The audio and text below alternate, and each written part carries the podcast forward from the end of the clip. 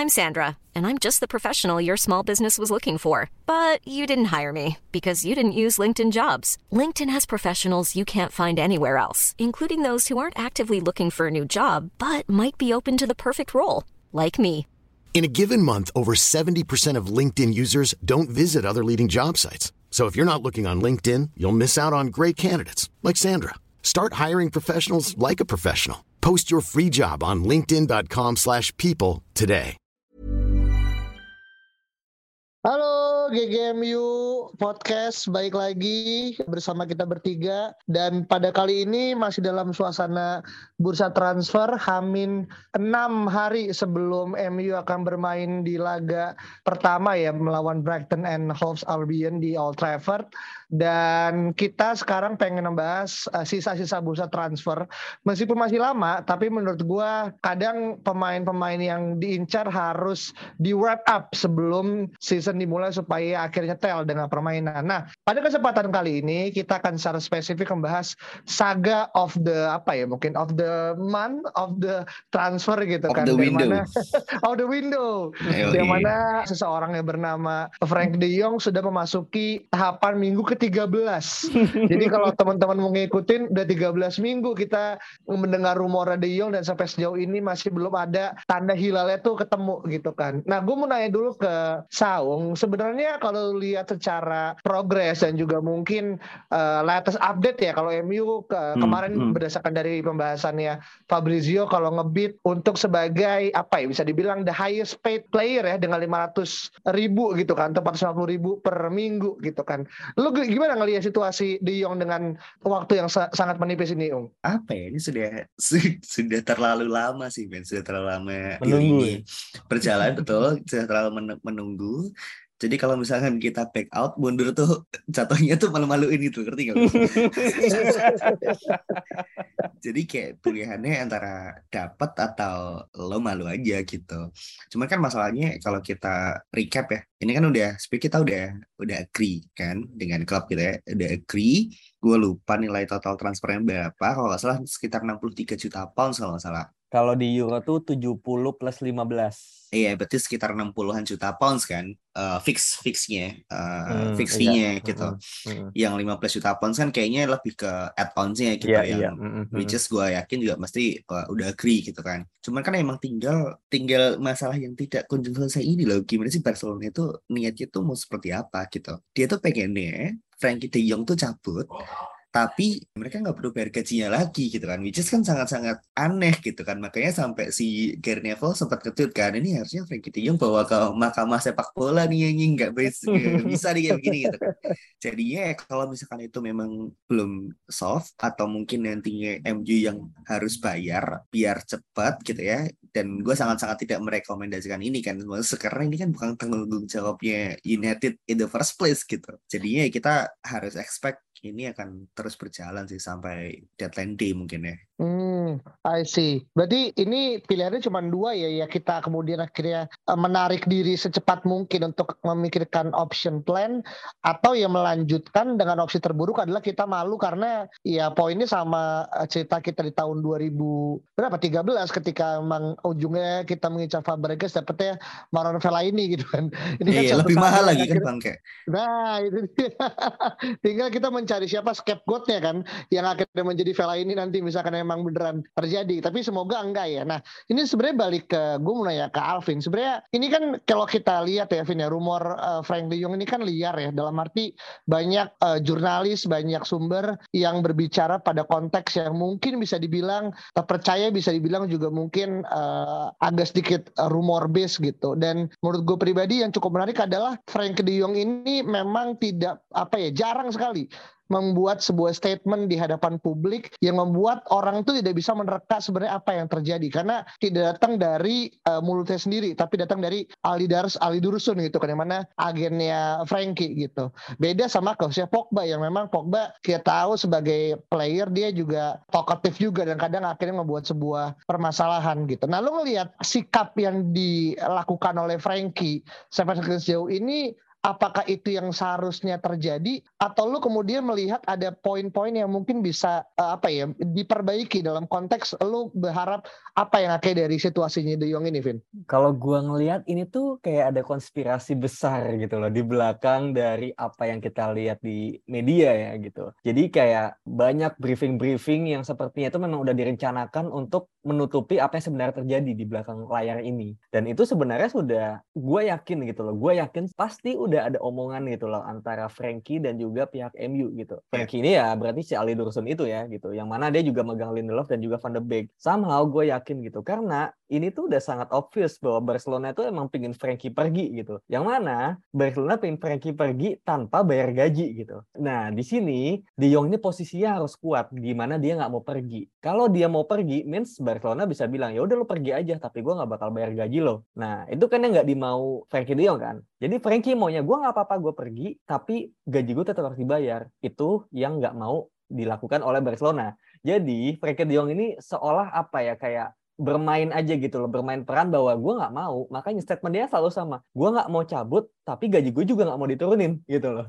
Statement dia kan aneh, itu menurut gue udah udah nggak make sense gitu, dia tuh harus bikin pilihan. Nah menurut gue, Frankie De Jong bikin public statement kayak gitu, ya itu udah di briefing sama agennya lah, sama Betul. sama MU juga bahwa lu harus bikin statement di mana Barcelona ini posisinya bakal melemah gitu, di mana lu harus bilang lu stay gitu loh. Yeah, Kalau lu yeah. stay, mau nggak mau Barcelona kan bakal kesulitan untuk bayar gajinya mau nggak mau dia harus lepas dengan ya udah deh gue bayarin aja deh utang lu biar lu cabut gitu karena bayar utang dia tuh kayak Samu lebih murah daripada nah dia harus bayar gajinya selama lima tahun gitu loh cuma Barcelona kan tetap aja gitu gue kalau bisa gue nggak bayar utangnya ngapain gue bayar utang gitu gitu jadi kayak ya Samu ada licik-liciknya dikit lah si Barcelona ini jadi ini nunggu waktu aja ya, gue ya. gue nggak heran kalau dia akan akan seperti ini sampai deadline day Hmm, Betul betul.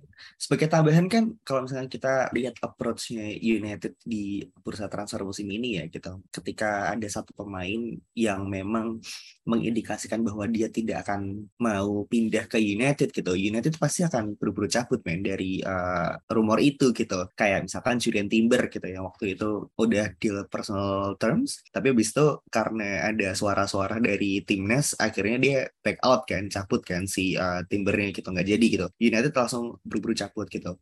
Anthony di harga yang nggak masuk akal langsung buruan cabut. Terus Brian Bobby kalau nggak salah juga hal yang sama gitu, buruan cabut. Jadi memang secara approach United ini tidak ingin ada kejadian macam Jadon Sancho sih menurut gua gitu di mana saganya itu benar-benar berlanjut sampai-sampai kita tuh beli pemain yang nggak kita butuhin sebenarnya gitu. Kayak mungkin macam Ahmad Diallo atau Facundo Pellistri gitu ya pada pada musim tersebut gitu sih menurut Iya. gua gitu jadi memang kalau memang Hmm. misalkan De Jong itu nggak punya kesepakatan pribadi dengan Ten Hag gua rasa sih ini tidak akan berlanjut sampai sampai sekian lamanya sih Hmm, iya benar-benar. Ditambah ya, ditambah Frankie De Jong ini kan diklaim adalah seorang gelandang yang sangat unik gitu loh. Perannya dan juga cara bermainnya itu unik. Itu juga yang bikin Ten Hag ini nggak mau ada plan B gitu. Bahkan plan B-nya dia adalah ya kalau gue nggak dapat Frankie De Jong, gue milih untuk ngembangin aja dari akademi gitu loh. Jadi daripada gue beli plan B yang malah totally different profile, mending gue bikin aja profilnya mirip De Jong gitu. Dan kalau misalnya bicara seperti itu ya gue sebenarnya merasa bahwa nggak tahu ya Zidane Iqbal ini mirip nih gitu loh dari cara dia dribble, dari cara dia ngelewatin pemain itu mirip gitu, tinggal diasah lagi dan dia bisa gitu. Cuma kan ya still a long way to go dan kita butuh pemain yang first teamer untuk musim ini gitu. Hmm,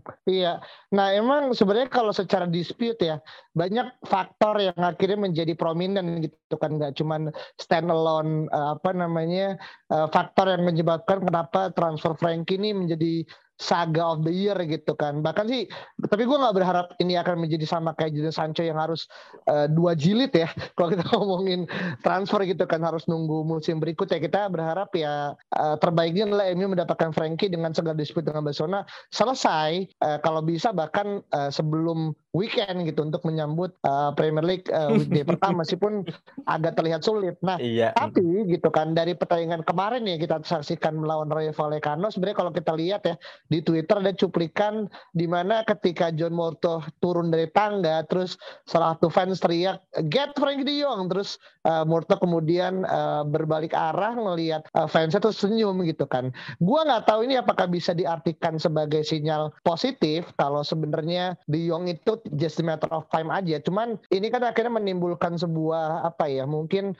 semangat entusiasme gitu kan untuk kenapa akhirnya MU itu ya tadi gitu sebenarnya kalau nggak kemudian Frank ini kemudian dari awal emang tidak akan datang mungkin anak juga ya akan cabut dan mungkin bukannya akhirnya tadi ya lu tadi Alvin bilang eh, mencoba untuk developing tapi menurut gue mungkin lebih kepada pindah sektor kali ya jadi nggak fokus ke DM tapi mulai masuk entah mungkin ke RB ataupun ke striker yang mungkin sekarang juga rumor sedang berkembang yeah, iya, gitu. Yeah, nah, yeah, cuman gue mau nanya ke Saung ini ada beberapa opsi ya yang mungkin uh, bisa dieksplor. Salah satunya adalah opsi peminjaman. Jadi ini adalah mungkin uh, kalau gue lihat ya, nanti Saung boleh memberikan pendapat.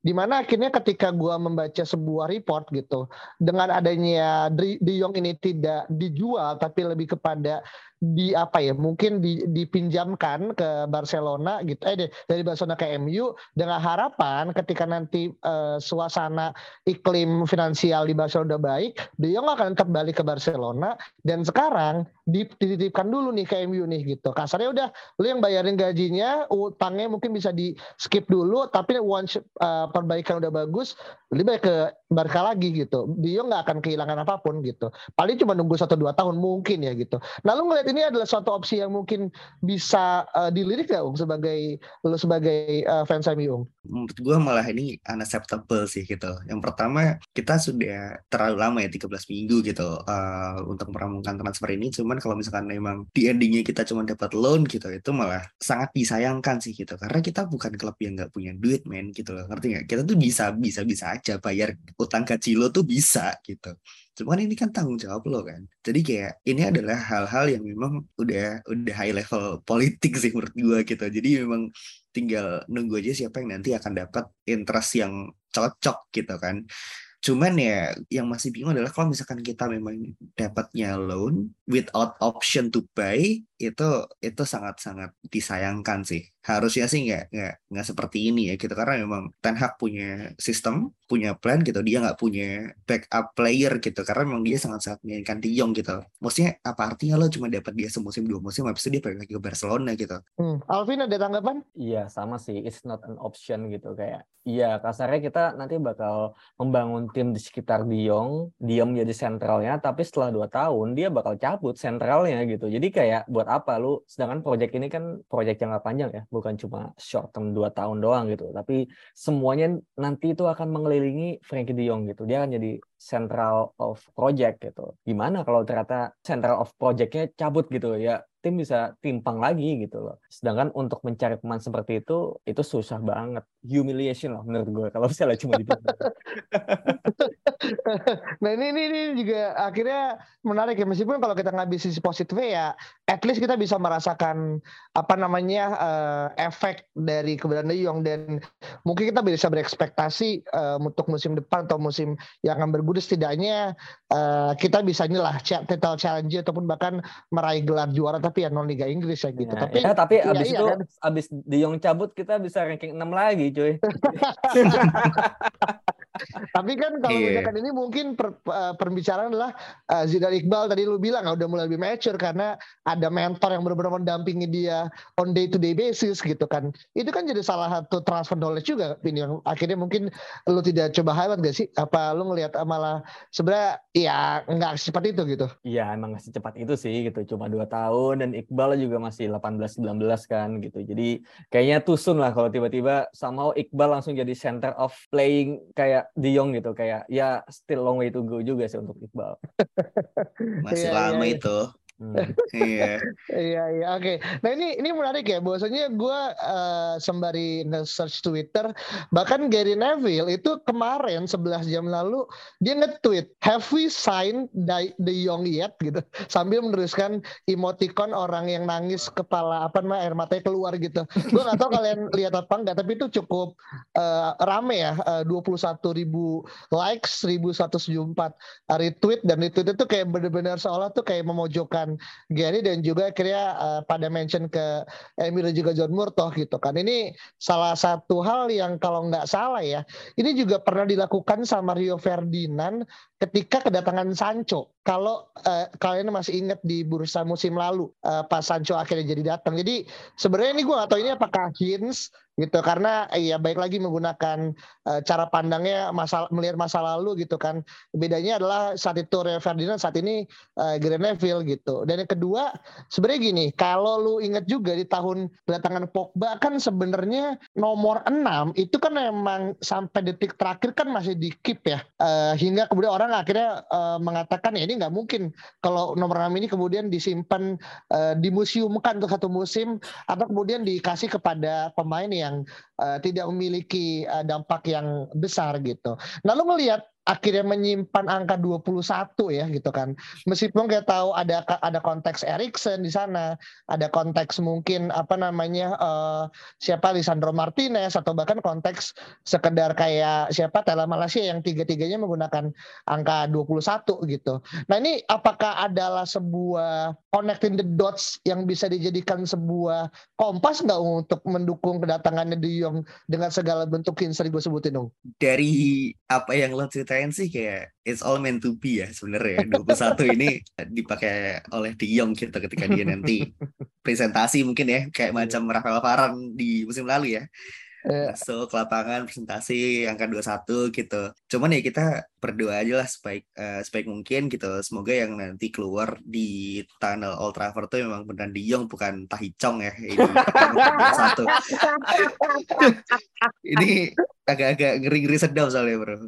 Hmm. Jadi ya kalau dari apa yang lo ceritain sih memang sangat masuk akal sih. 21 ini dikosongkan gitu ya dari mulai Daniel James terus akhirnya kita ke Edinson Cavani sampai akhirnya kosong sampai sekarang. Emang it's all meant to be man sebenarnya untuk Frankie De Jong gitu. Cuman ya itu tadi loh sebenarnya sampai jangan sampai ngelantar tiba-tiba yang pakai cong ya udahlah gitu ya. Itu doang sih doa gue.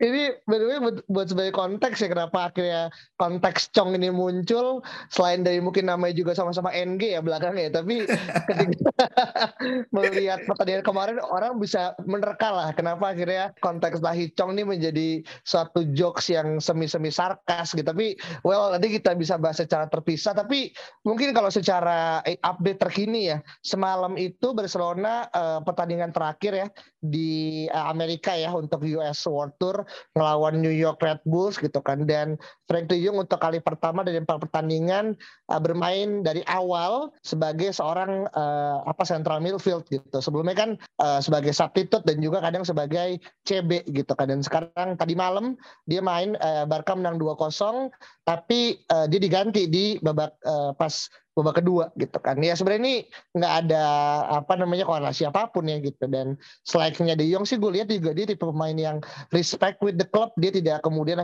akhirnya malas-malasan main dan bahkan ataupun uh, dia akhirnya memilih untuk uh, handling transfer request karena dia lebih menghormati Barca juga dan melihat situasi akhirnya bagaimana berkembang gitu. Nah mungkin untuk yang De Jong kita bisa uh, apa namanya wrap up dan kita masih menunggu ya sampai mungkin minggu-minggu uh, ke depan gitu kan satu hari dua hari ke depan apakah ada uh, progres yang sangat masif. Tapi sekarang gue mau coba alihkan kepada uh, hasil atau mungkin overview kali ya dari pertandingan yang dilakukan sama MU kurang lebih ada lima ya lima match yang MU lakukan dari mulai tour ke Bangkok ke Sydney ke Oslo sampai akhirnya balik ke Old Trafford. Gue mau nanya ke Alvin, apakah lu cukup happy dengan segala bentuk record yang dimiliki sama uh, calon tsunami uh, gelar FC ini? Gue sejujurnya, gue kan nonton ya dari match pertama sampai match terakhir kemarin gue full nonton. Gue bisa bilang bahwa bentuk permainan udah ada dan struktur itu sudah ada, terutama ketika build up ya, ketika membangun serangan dari belakang, dari back kemudian ada iya. satu deep lying midfield ya, yang mana sekarang masih dilakukan oleh Fred dan Fred cukup bagus sebetulnya gitu untuk menjadi pengganti Inval ya sementara Frankie De Jong yang nantinya mungkin akan bergabung gitu. Dia sementara menggantikan. Menurut gua Fred ini cukup cukup oke okay, gitu. Nah cuma satu hal yang mungkin gua lihat kurang adalah ya pelapisnya gitu. Jadi biasanya kita itu main di babak pertama bagus banget. Tapi babak kedua ketika timnya diganti total, yaitu udah mulai hancur gitu. Jadi kayak literally kita nggak punya tim B yang mumpuni yang bisa menggantikan tim utama. Dan kemarin ketika lawan Rayo Vallecano, kita lihat uh, eh Rayo atau sebelumnya gitu lawan Atletico, ketika Sancho nggak main, ya udah hancur banget. Yang main Elangga kan kalau nggak salah itu benar-benar kayak langsung beda banget gitu loh permainannya dari yang tadi ya fluid di depan, Sancho bisa masuk ke dalam, and then kanannya ada Dalot kan, itu bagus banget. Tapi diganti satu aja pemain itu tuh langsung hancur gitu. Itu baru satu loh yang diganti. Gimana kalau yang yang lainnya ada cedera lah, ada kecapean, ada off form, banyak banget kemungkinan akan terjadi gitu. Dan ini menurut gue adalah tamparan buat board juga ya untuk bekerja lebih keras, untuk nego lebih keras lagi gimana caranya pemain-pemain yang selama ini diincar pos-posnya, terutama lini depan ya. Kalau gua rasa lini belakang tuh udah aman ya, tinggal bek kanan aja. Tapi lini tengah dan depan, terutama depan itu kalau ada satu yang tumbang selesai udah. Lu nggak mungkin ngandelinnya tadi ya Tahit Chong itu udah enggak lah aja bisa selesai tuh MU gitu sih. Jadi menurut gua menurut gue kayak ya MU masih harus berbenah untuk pelapisnya untuk menambal apa ya kayak sisi di mana ketika ada satu yang cedera ya penggantinya harus sama bagusnya. Oke, oke. Jadi yang gue tangkap dari Alfred adalah bagaimana kalau secara struktur bermain, pola yang dimainkan dan ini juga diafirmasi sama Ten Hag ya dalam interview pas kemarin pasca uh, Rayo Vallecano dia bilang kalau sebenarnya kalau secara tim progres sudah sesuai dengan apa yang diharapkan. Cuman memang masih ada beberapa hal yang perlu untuk ongoing proses ya untuk development dan kalau tadi Alvin juga ngomong masalah squad depth ya. Ini juga akan diomongin banyak orang termasuk mungkin kalau teman-teman nonton uh, apa pandit sebelah gitu kan mengatakan kalau bagaimana akhirnya adanya jurang yang akhirnya terjadi antara pemain muda dan juga pemain senior yang ada di MU dan menurut gue ini sebenarnya squad MU ya kalau misalnya gue boleh memberikan pendapat agak mirip dengan apa yang dikontekskan di Liverpool sebenarnya ya. Kalau kita menggunakan formasi eleven yang benar-benar top eleven ya kita mungkin bisa akhirnya fighting apa namanya uh, for winning. Tapi once nanti kemudian udah masuk ke bulan Oktober dan for information ya di bulan Oktober itu ya setelah gue lihat schedule MU itu main selama tiga sampai empat hari sekali.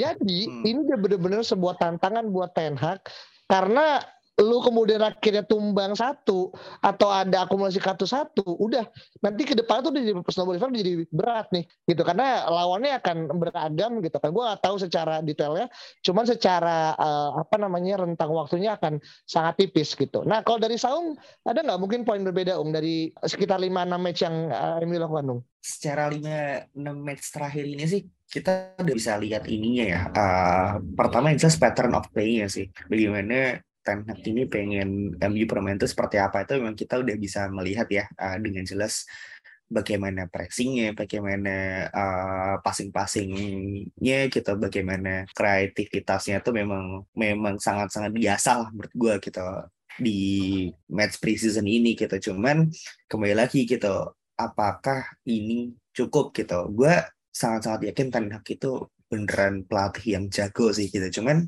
dia bukan miracle worker ya gitu. Jadi kalau misalkan memang tidak disupport dengan sumber daya yang baik gitu dari segi uh, pemainnya dan juga dari boardnya, menurut gue sih mentok-mentok kita peringkat empat sih men. Se sejujurnya ya dengan dengan apa yang kita punya. Empat udah bagus men menurut gue menurut gue bisa Setuju kelempar gua. kelempar ke lima atau enam lagi. Arsenal bagus loh mainnya. Bener. Bener sih. Arsenal bahkan Spurs juga oke okay lah. Kemarin kan habis menang trofi kan Spurs kan. Maksudnya tim-tim top top six ini semuanya oke okay, gitu. Liverpool ya no question lah gitu. Uh, Man City tentu aja gitu. Chelsea gue gak yakin akan seperti apa gitu. Cuman overall by the quality masih oke okay, gitu. Arsenal menurut gue sih ini salah satu contenders yang cukup uh, menyeramkan ya untuk untuk top 4 ya. Sama Spurs yang gue nggak tahu apakah para pemain ini masih bisa mengikuti ritme latihan Conte gitu.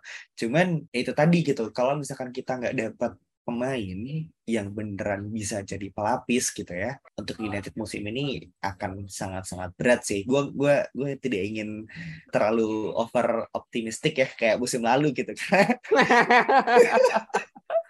Karena ini apa ya? Kalau kalau dulu kan memang dengan Ole kan kita bener good vibe football ya. Jadi uh, ya udahlah bodo amat gitu. Tapi kan kalau yang ini kan bener-bener sesuai sistem gitu loh men. Hmm. Jadi kalau misalkan Hmm. kita nggak punya SDM yang mumpuni sih akan sangat sulit gitu. Jadi kalau misalkan misalkan di transfer video ini kita Indian bayar Ajax 60 juta pounds untuk Anthony, gue bisa memaklumi itu sih. Men, An. An Anthony nggak mau 60, Ajax semuanya 80. Wah, anjing. iya, belum Berarti- lagi. Hmm? Memphis sih. Iya. Memphis karena Joe Chong udah itu the best tuh. Iya iya iya. Nah ini ini menarik ya. Eh, ini eh, maksudnya poinnya mungkin kurang lebih sama dan bagaimana me- memperhatikan skuadnya. Tapi gue mau coba nanya ke Alvin dan juga Saung Sa- langsung aja gitu satu kata. Kalau ada satu pemain yang menurut lu eh, bisa dikatakan sebagai player to watch berdasarkan dari 5 sampai 6 match kemarin gitu. Siapa pemain yang menurut lu cukup menjadi perhatian dari Saung dulu deh? Jadon Sancho fix Oke. no debat. Makanya makanya tadi Alvin bilang kan ketika Sancho cedera pre Atletico Madrid dan juga Rayo Vallecano itu beneran beda banget men cara mainnya United gitu. Di empat match pertama kali nggak salah ya Liverpool, eh, Melbourne, Crystal Palace sama satu lagi siapa sih gue lupa. Itu semuanya hampir semua ya mayoritas kita bermain tuh menyerang lewat kanan men. Ini kan sangat-sangat aneh ya. Selama 10 tahun kita hampir tidak pernah menyerang lewat kanan, akhirnya United bisa menyerang lewat kanan gitu loh. Jadi ini dengan kreativitas dia dan dengan bagaimana dia bisa eh, apa ya bermain sesuai dengan apa yang dia inginkan dan dengan Ten Hag inginkan, ini akan menjadi best Jadon Sin- Sancho season sih menurut gua gitu. Hmm. Oke. Oke, Hmm. berarti terkait dengan redemptionnya Sancho ya untuk akhirnya bisa membuktikan kalau iya dia worth it di angka Bukan, 9 Eh, apa? bukan bukan redemption sih, lebih ke emang beneran dia akan membuktikan gitu. Kalau musim lalu kan terlalu banyak polemik ya. Mulai dari iya kita mulai dari main eh, Ole untuk Rangnick, terus main beda posisi, terus cedera, pas segala macamnya gitu. Kalau redemption musim ini mungkin Martial sih. Oke, oke boleh nanti ini bisa jadi obrolan baru. Tapi gue mau ke Alvin dulu. Selain Sancho ada ada pemain lain, Vin? Oke, kalau tadi udah disebut Sancho dan Martial, gua sebenarnya mungkin agak beda kali ya. Gua melihat Donny van de Beek sih. Jadi be- terutama kemarin ya pas lawan Rayo gitu, gua ngeliat van de Beek itu gila banget gitu. Salah satu the best performer in the pitch gitu, on the pitch. Gue melihat bahwa van de Beek ini somehow physicality-nya cukup bagus, kemudian stamina-nya juga dan dia interception-nya banyak banget. Dia nge-pressing berkali-kali men dan itu bikin langsung counter attack buat Ronaldo dan pemain-pemain lainnya gitu dan gue melihat bahwa ya Van de Beek selama ini tuh ya korban sistem gitu. Dia adalah pemain yang harus bermain pada sistem yang sangat-sangat jelas dan dia role harus spesifik. Tapi kalau misalnya dia disuruh perform magic gitu kayak Bruno Fernandes ya dia nggak akan bisa gitu karena dia bukan tipe seperti itu gitu. Dia pelengkap. Tapi ketika dia jadi pelengkap ya dia akan menjadikan tim itu sempurna. Dan inilah yang menurut gua Van de Beek ini akan gue yakin dia akan kembali gitu. Dia akan kembali menampilkan performa terbaiknya Cuma memang gitu dengan banyaknya pemain tengah yang kita miliki ada Bruno ada Erikson juga di sana itu juga akan membatasi lah. Cuma dia tidak akan menjadi bench warmer seperti musim-musim ini gitu, musim-musim kemarin, tapi dia akan lebih involved dalam permainannya gitu. Dia akan bermain di posisi nomor 8 dan waktu itu juga ada pelatihnya Ajax ya atau Peter Bos kalau nggak salah. Dia pernah bilang bahwa Van de Beek ini bagus ketika bermain pada lapangan yang sempit, means lapangan yang lebih narrow gitu, permainan yang, yang lebih narrow. Artinya adalah banyak pemain di sekitarnya. Dan itu kan sangat menunjang kemampuan one to passingnya dia. Jadi ketika dioper dia langsung passing, and then dia bergerak passing move, passing move. Itu kan Ajax kan seperti itu gitu. Jadi menurut gua menarik untuk menunggu kontribusi Van de Beek yang lebih bombastis lagi di musim ini gitu sebagai uh, mungkin dari bangku cadangan atau ketika jadi starter gue yakin dia akan menjadi pembeda juga. Hmm, Oke, okay. nah ini kan berarti lebih kepada uh, melihat musim pembuktian ya buat uh, Van de Beek yang uh, berada di tangan dari Ten di mana pelatih yang quote unquote membesarkan dia juga ketika di Ajax gitu. Cuman gini ya Vin ya, gue mencoba untuk memberikan perspektif berbeda kali ya. Uh, jujur, gue tadi nggak expect kalau lu menjawab uh, apa namanya uh, Van de Beek ya. Meskipun gue tahu mungkin lu akan dengan pemain yang agak beda dengan Saung, tapi kalau gue lihat dari respon warganet ya di Twitter gitu kan, terutama mungkin dari beberapa orang yang di luar Indonesia, mereka justru akhirnya uh, bertanya sebenarnya perannya Van de Beek itu apa gitu karena dia tidak terlihat uh, sebegitu apa namanya punya peran yang jelas. Kita tahu kalau kemarin ini kalau ngomongin konteks Rayo Vallecano ya gitu. Kita kemudian bermain dengan dua AM gitu kan. Yang mana ini uh, jarang untuk dimainkan di uh, apa eranya Oleh gitu. Yang mana kebanyakan pakai 4-2-3-1 gitu. Tapi orang kemudian mempertanyakan gitu uh, sebenarnya perannya Van de Beek itu apa dan dari Alvin bilang kan kalau uh, kemudian Van de Beek bagus kalau dia bermain di uh, lapangan lebih narrow gitu banyak pemain gitu tapi kalau terkait dengan uh, musim yang panjang lu ngelihat akhirnya Van de Beek memiliki konsistensi nggak untuk bisa melakukan apa yang akhirnya menjadi tadi lu sampaikan Vin atau tuh lebih kepada memang ya satu sampai dua game oke okay, tapi apakah dia bisa akhirnya terus konsisten dengan game yang akan dijalankan nggak Vin? Dia menurut gua harus bermain dengan pemain-pemain yang tepat juga. Kalau dia misalnya bermainnya sama tim-tim yang lapis dua semua, ya mungkin dia juga nggak akan perform gitu. Dia harus berada pada tim yang memang sudah bagus-bagus pemainnya. Ada Bruno atau kayak kemarin ada Erikson gitu. Ketika Erikson nggak ada, ya Doni juga udah nggak bisa apa-apa juga gitu loh. Dia juga harus disekelilingi oleh pemain-pemain yang kreatif juga seperti Sancho dan juga Erikson atau Bruno gitu. Dan dia melengkapi itu gitu loh untuk Tomenai. Nah, nah, nah, itu enggak sih kayak. itu jadi dia memang lebih bagus ketika emang agak agak ke depan gitu. Nomor 8 agak advance dan menurut gua pergerakan dia dan juga one touch passingnya. One touch passing itu kan berarti kan mempercepat bola ke depan gitu loh. Nggak lama-lama seperti let's say Pogba ya yang nahan bola dan mungkin bolanya hilang gitu. Build up build up bakal lebih cepat. Progresi bola bakal lebih cepat gitu. Dan kemarin ada beberapa momen di mana dia juga bisa memberikan passing dari agak belakang ke tengah gitu apa ya kayak no look pass gitu loh. Dan itu passingnya bagus gitu. Jadi kalau dibilang konsisten tergantung. Lu mainnya sama siapa gitu. Lu harus tahu persis Van de Beek ini mainnya kayak apa dan lu bangun ekspektasi dari sana gitu. Kalau lu pingin Van de Beek seperti Bruno lu nggak akan pernah puas dengan itu gitu. Tapi kalau lu expect Van de Beek akan menjadi Van de Beek gitu ya lu akan puas nanti musim ini. Hmm I see Oke, ini berarti lebih kepada akhirnya bagaimana seorang Van de Beek pun juga butuh support. Karena pas gue kemarin lihat ya, tadi atau di babak kedua itu benar-benar dari mulai tengah ke depan yang senior itu Van Beek doang kan. Nah, yang akhirnya itu. lainnya gitu. Nah itu, itu kalau dari itu nggak bisa dia. Dia harus main sama tim yang emang udah bagus. Ada Erikson, ada Sancho tuh jalan. Apalagi hmm. ada Chong gitu ya. Ya Chong sama sekali tidak akan membantu gitu. Malah memperlemah gitu. ini, Wah, ini kecap, kecap. kata kuncinya tuh pada episode ini katanya tahicong kayak kata kuncinya ya. Terlalu jago dia. Oke oke. Nah ini kan ini eh, dari dua pihak udah dua belah pihak udah menyebutkan rata-rata emang yang memang uh, ditunggu-tunggu atau mungkin bagus secara permainan lebih kepada uh, pemain yang mungkin musim lalu dianggap kurang atau tidak bisa membuktikan dan musim ini adalah uh, masa untuk dia memberikan tajinya gitu. Dan gue inget banget humiliation kepada Sancho adalah 007 ya kan 7 wow. game 0 assist 0 0 gol gitu kan. Itu kan inget banget ya uh, remember the name Sky Sport itu uh, me, apa namanya membuat report itu menurut gue itu sama sekali tidak termaafkan dan menurut gue mungkin uh, musim ini ya insya Allah nggak akan terjadi lah gitu. Ya, nah ya. tapi gini dari dari dia ngomong, dari lo siapa? Dari lo siapa? Ya, uh, uh. Oh dari gue siapa ya? Oh, Oke okay. kalau dari gue sebenarnya Dalot sih. Okay. Wah. Kalau gue download, uh, kenapa? Karena gini ya, gue sebenarnya tipe fans yang ngelihat. Lu fans Wan Bisaka kan? ya emang emang emang biasa dia sih kan agak ini ya, uh, unpopular ya, uncommon lah. Mungkin Timothy Fosumensa mungkin kalau ada mungkin dia akan ngefans gitu. enggak enggak tapi tapi gue gue gue uh, mengatakan Dalot ini secara permainan dan link up dia ya dengan Sancho lumayan bagus loh. Secara kita nggak ngomongin masalah asis yang dia kasih ke Anthony Martial ataupun segala macam. Cuman menurut gue, uh, uh, gue kan sering bercanda ya kalau Dalot ini kan youngster padahal umurnya juga 24 gitu. Mental udah 27 gitu kan.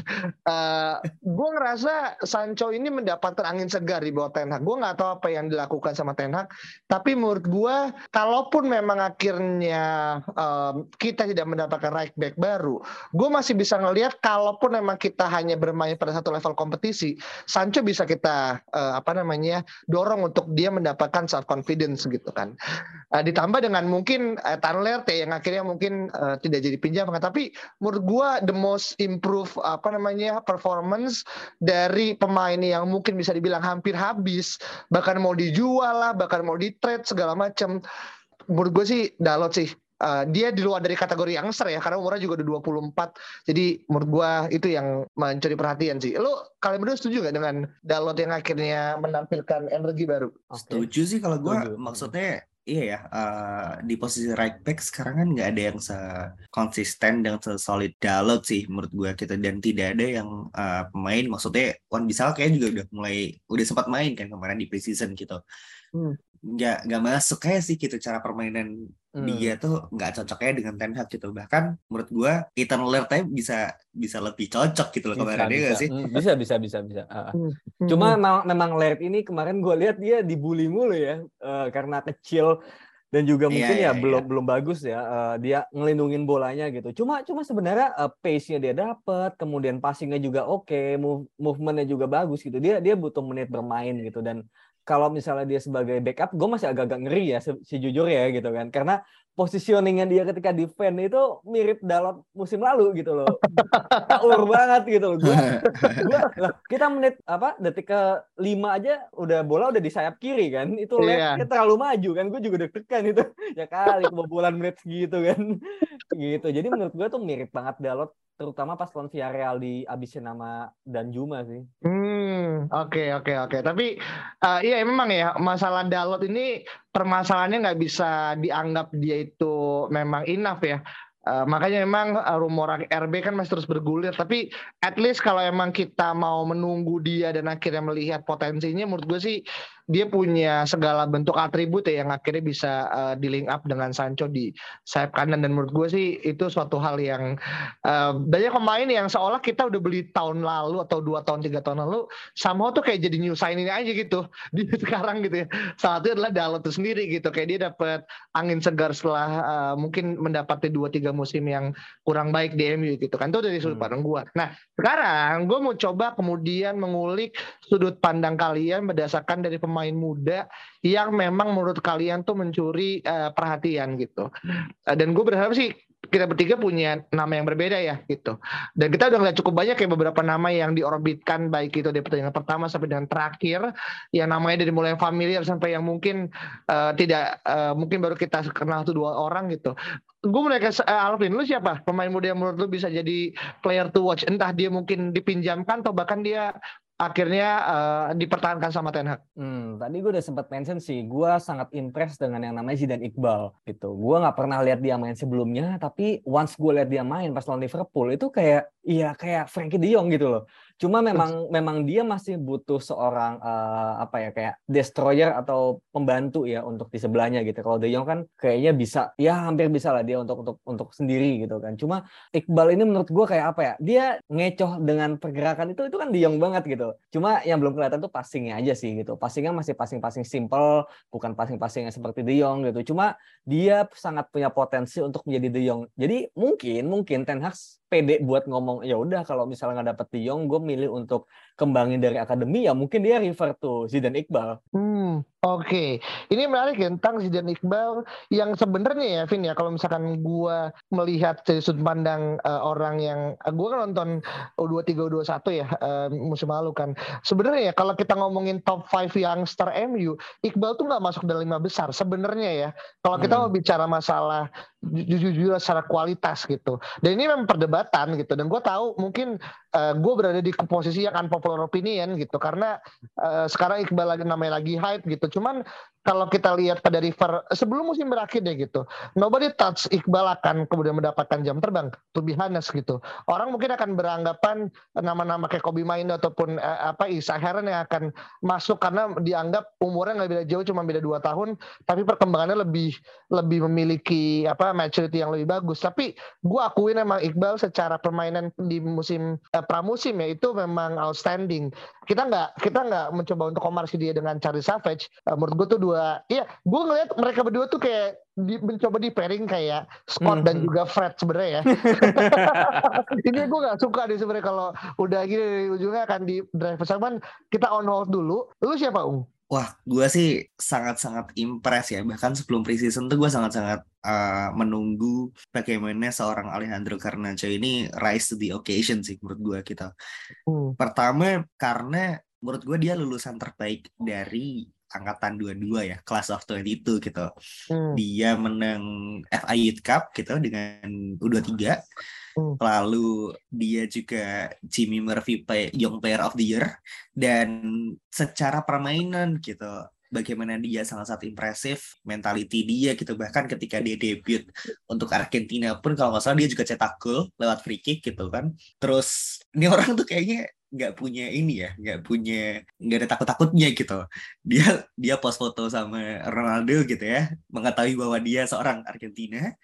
Lalu besoknya dia post sama uh, Messi. Untuk gue ngerti pokoknya dia bilang Ronaldo the goat lah padahal tuh Messi maksudnya lo lo rekan kan?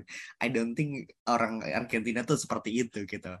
Jadinya emang dia punya apa ya mentality yang cukup oke okay, gitu. Itu yang pertama. Yang kedua dari preseason kemarin aja gitu. Gue sangat-sangat menunggu sih sebenarnya dari uh, preseason ini kapan ya karena comen gitu. Akhirnya kita bisa lihat kemarin dan keren banget coy asli dia tuh kayak apa ya banyak yang membandingkan dia tuh kayak Hazard man mainnya gitu oh. mungkin dengan physicality yang lebih lebih lebih durable ya lebih tinggi gitu uh, daripada Hazard dan juga cara kocek-kocek ini ya cara bagaimana dia bisa going through the pocket gitu dia bisa running inside itu menurut gue dia harus ada di first team sih menurut gue. Hmm. Oke, okay. I see. Kalau Tahit Chong mirip siapa nih? uh... Pepe kali, Nicholas Pepe kali ya. Aja mendingan Pepe sih pak. Yang aneh, yeah, yeah. gue baru aja gue baru aja lihat list Young Player of the Year United gitu. Huh? Dan Chong ini ternyata dia tuh menang di tahun 2017-2018 men. Yeah. Which is kayak it's it's been a very long time gitu lo lo menang uh, Young Player of the Year tapi kayak somehow sangat-sangat sulit untuk lo breakthrough to the first team gitu. Bahkan ketika lo di loan pun kayak susah aja gitu uh, hmm. untuk memikat klub yang lo, lo dipinjamkan gitu kan. Yeah. Maksud gue bahkan kayak ya Marcus Rashford, Marcus Rashford lah dia punya quality gitu. Angel Gomez juga ketika dia breakthrough terus klub melihat dia mungkin tidak punya apa ya skills untuk untuk ada di klub, dia segera cabut gitu kan terus Elanga, Sola sama Sola Sore ini menurut gue juga calon-calon akan di loan juga sih menurut gue kita. Hmm, okay, gitu sih. Okay. Jadi ini sangat-sangat menyenangkan sih kalau misalkan kita bisa melihat uh, Alejandro Garnacho lebih baik bermain ya di musim ini. Hmm, iya, iya, iya. Dan meskipun Garnacho seingat gue juga ya, dia kan main kan cuman di pertandingan Rayo ya. ya. Sebelumnya ya Iya dia kan nggak main dan Betul. usut punya usut ya. Ini gue baca di salah satu media Garnacho itu adalah salah satu pemain yang uh, pemain pertama yang mendapatkan semacam kayak hukuman dari Erik Ten Hag uh, gara-gara telat datang atau apa gitu. Gue nggak tahu tapi menurut gue kalaupun emang itu benar dan akhirnya dia menunjukkan kemarin menurut gue tuh sebuah mentalitas ya yang akhirnya dia oke okay, gue melakukan kesalahan tapi gue mencoba menunjukkan di uh, on the pitch gitu kan uh, untuk akhirnya dia benar-benar kemarin tuh kill it banget apalagi di Eh. Babak pertama ya. Hmm, uh, itu hmm. benar-benar gue ingetin Hazard di musim Chelsea pertama dia yang tubuh gempal gitu kan. Hmm, Tadi meskipun hmm. ada lebih tinggi gitu. Yeah. Tapi flair-nya dia yang hmm. akhirnya sangat-sangat lentur itu tuh menurut gue bahkan Sancho pun gue nggak yakin bisa kayak gitu ya. Meskipun hmm, yeah. tipikalnya mungkin agak mirip tapi menurut gue lebih lebih liar. hmm, nah, yang yang gue kesel dari Garna gue gue juga sebenarnya impress banget dan Garnacho kemarin. Cuma yang gue kesel satu gitu. Ketika dia udah masuk ke dalam, kenapa dia ngopernya ke Tahicong mulu gitu. Iya iya iya. iya. Mungkin gue gue gue gue juga sempat baca sih kayak uh, ada di tweet kalau nggak salah dia dia tuh bisa cut inside terus dua kali kesempatan dia oper ke Tahicong kan gitu. Iya. Sampai ada yang bilang kayak ini kalau dia umpan ke Tahicong lagi kita perlu mempertanyakan decision makingnya sih. Gitu.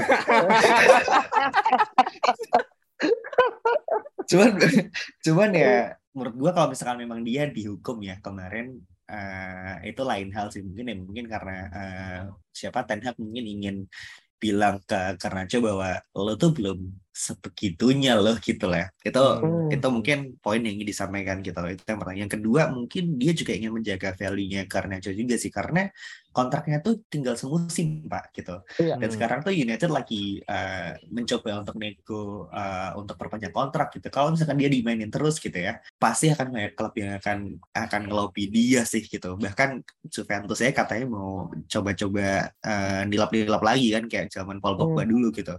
Iya. Jadi itu sih mungkin ya reasonsnya. Hmm, hmm, hmm.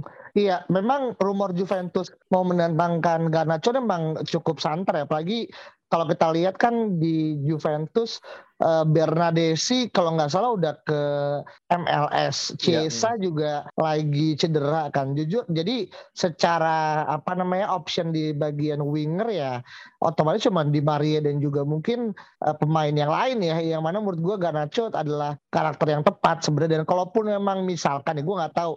Kalaupun memang mau di ke Juventus ya menurut gue lebih ke loan ya gitu ya. Uh, itu pun juga dalam kondisi kalau kita mendatangkan another attacking uh, sorry another apa namanya winger yang memang mungkin erat kaitan dengan Anthony. Tapi kalaupun Anthony memang gak jadi datang sih menurut gue uh, membackup uh, sayap kiri ya uh, selain Rashford itu Leganacho menurut gue itu adalah opsi terbaik ya.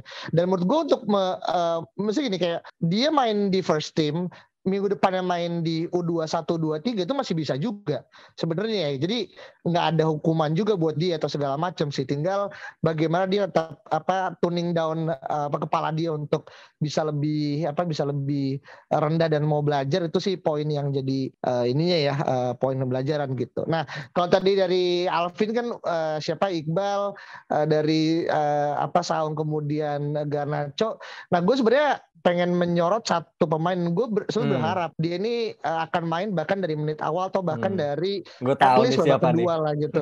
nah, jadi sebenarnya ya kalian tahu sebenarnya gue pengen menyorot uh, satu pemain nih yang mana uh, menurut gue di umur dia yang uh, dia itu masih 17 tahun ya kalau nggak salah yang termuda juga main gitu kan uh, meskipun dia subs di menit ke 82 kalau gue nggak salah gitu kan nanti Erikson tapi menurut gue uh, untuk pemain 17 tahun gitu kan uh, dengan uh, dia pun dia kan sebenarnya digadang-gadang sebagai the next Modric ya.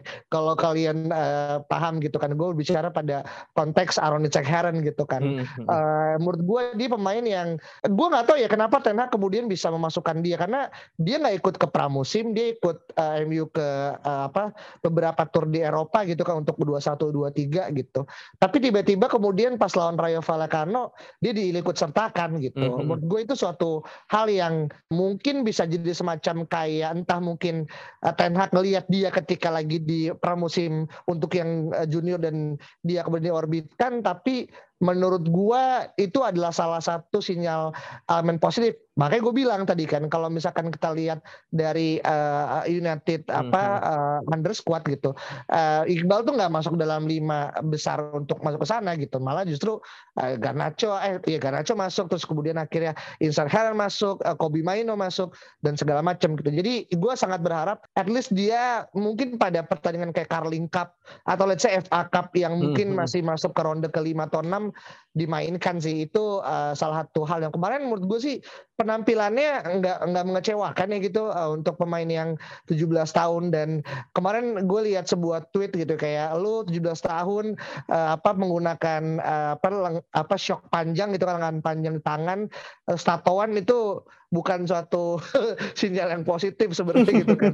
Tapi dia ya udah gitu berani menunjukkan siapa dia. Menurut gue itu sih yang jadi apa namanya uh, ini yang bagus dan menurut gue memiliki penerusnya let's say menciptakan Modric di Old Trafford dan dia bisa kita lihat di sana sih gitu sih menurut gue sih. Hmm, iya iya iya. Gue cuma ada satu momen yang gue ingat ya dari dia itu. Jadi kalau dia bisa ngoper aja ke kanan tuh ya, gue lupa ke Cong atau ke siapa gitu kan. Cuma mungkin karena dia Amat, mau. ke Amat. Oh ke Amat, iya Iya. benar. Iya, itu itu pas banget tuh langsung gol kan. Jadi ya Iya. nggak apa-apa lah namanya juga pemain muda kan.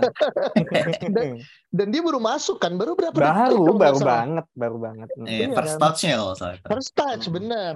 Dan itu kalau misalkan sampai gue, gue nggak bisa ini lagi. Tapi maksud gue untungnya keblok dan memang Amat kemarin memang lebih terbuka dan ya baik lagi ya.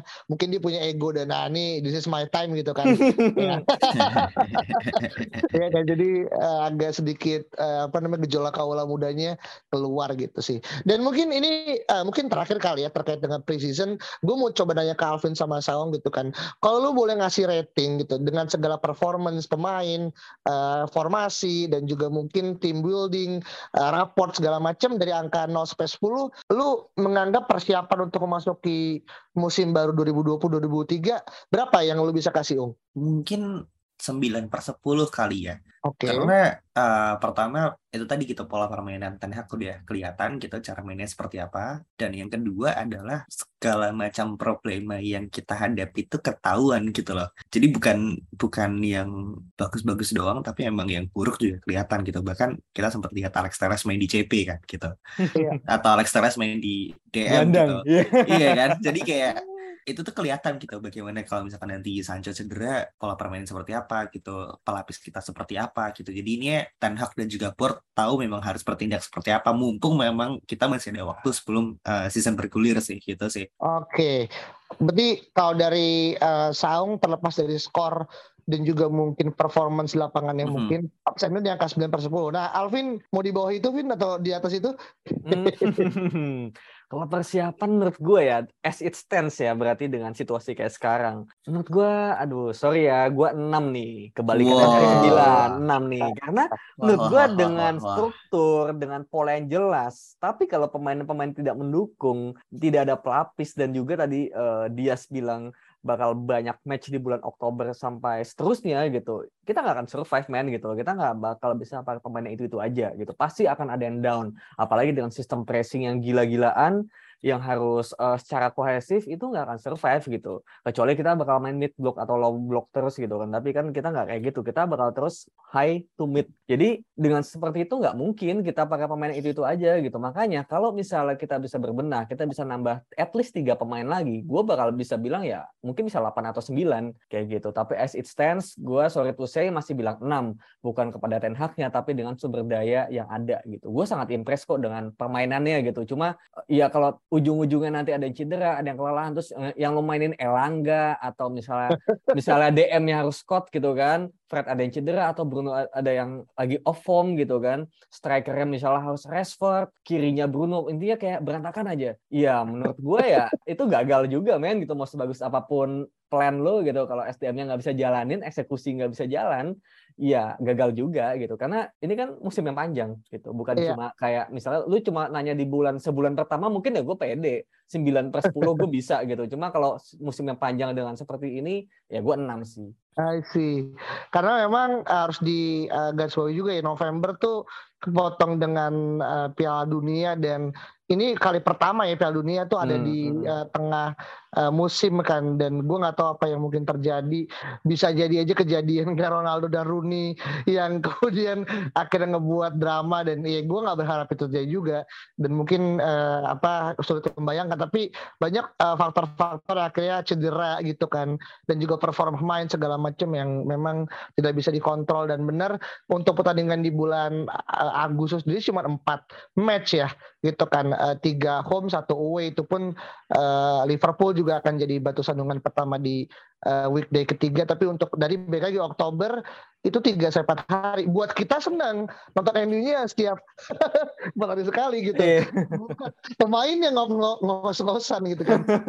Mencapai Apalagi kalau dapat Europa League-nya ke Turki kan. waduh. Aduh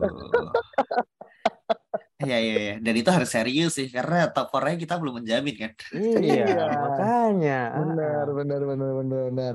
Nah, ya, nah itu dari Alvin berarti 6 ya. Kalau dari gue sebenarnya sih mungkin di angka 7 lah ya. Eh, dalam arti posisinya adalah gue melihat kalaupun memang skema yang dibentuk sekarang belum sebegitu sempurna karena resource-nya belum eh, selesai, gue bisa memberikan benefit of the doubt sampai September minggu kedua. Setidaknya sampai bursa transfer tutup. Dan eh, dari pihak MU pun tidak ada eh, apa namanya eh, semacam case statement kalau kita tuh selesai belanja. At least itu yang ditakutkan kan sama fans Liverpool kan karena dari manajemen bilang kita enough dan untungnya dari kita kan kita nggak ngomong gitu gitu dan kita masih bisa berharap let's say dua pemain akan datang lah ya gitu kan gue nggak tahu apakah dengan dua pemain akan datang Alvin akan menambah jadi 7 atau 8 tapi setidaknya gue masih memberikan waktu karena kita masih punya time slot nih sampai let's say 2-3 minggu lagi untuk uh, sealing uh, eh sorry empat minggu lagi bahkan untuk sealing the Hmm, deal kepada pemain-pemain yang diincar gitu. Dan mungkin terakhir ya dari gua ini baru aja 11 menit yang lalu Anthony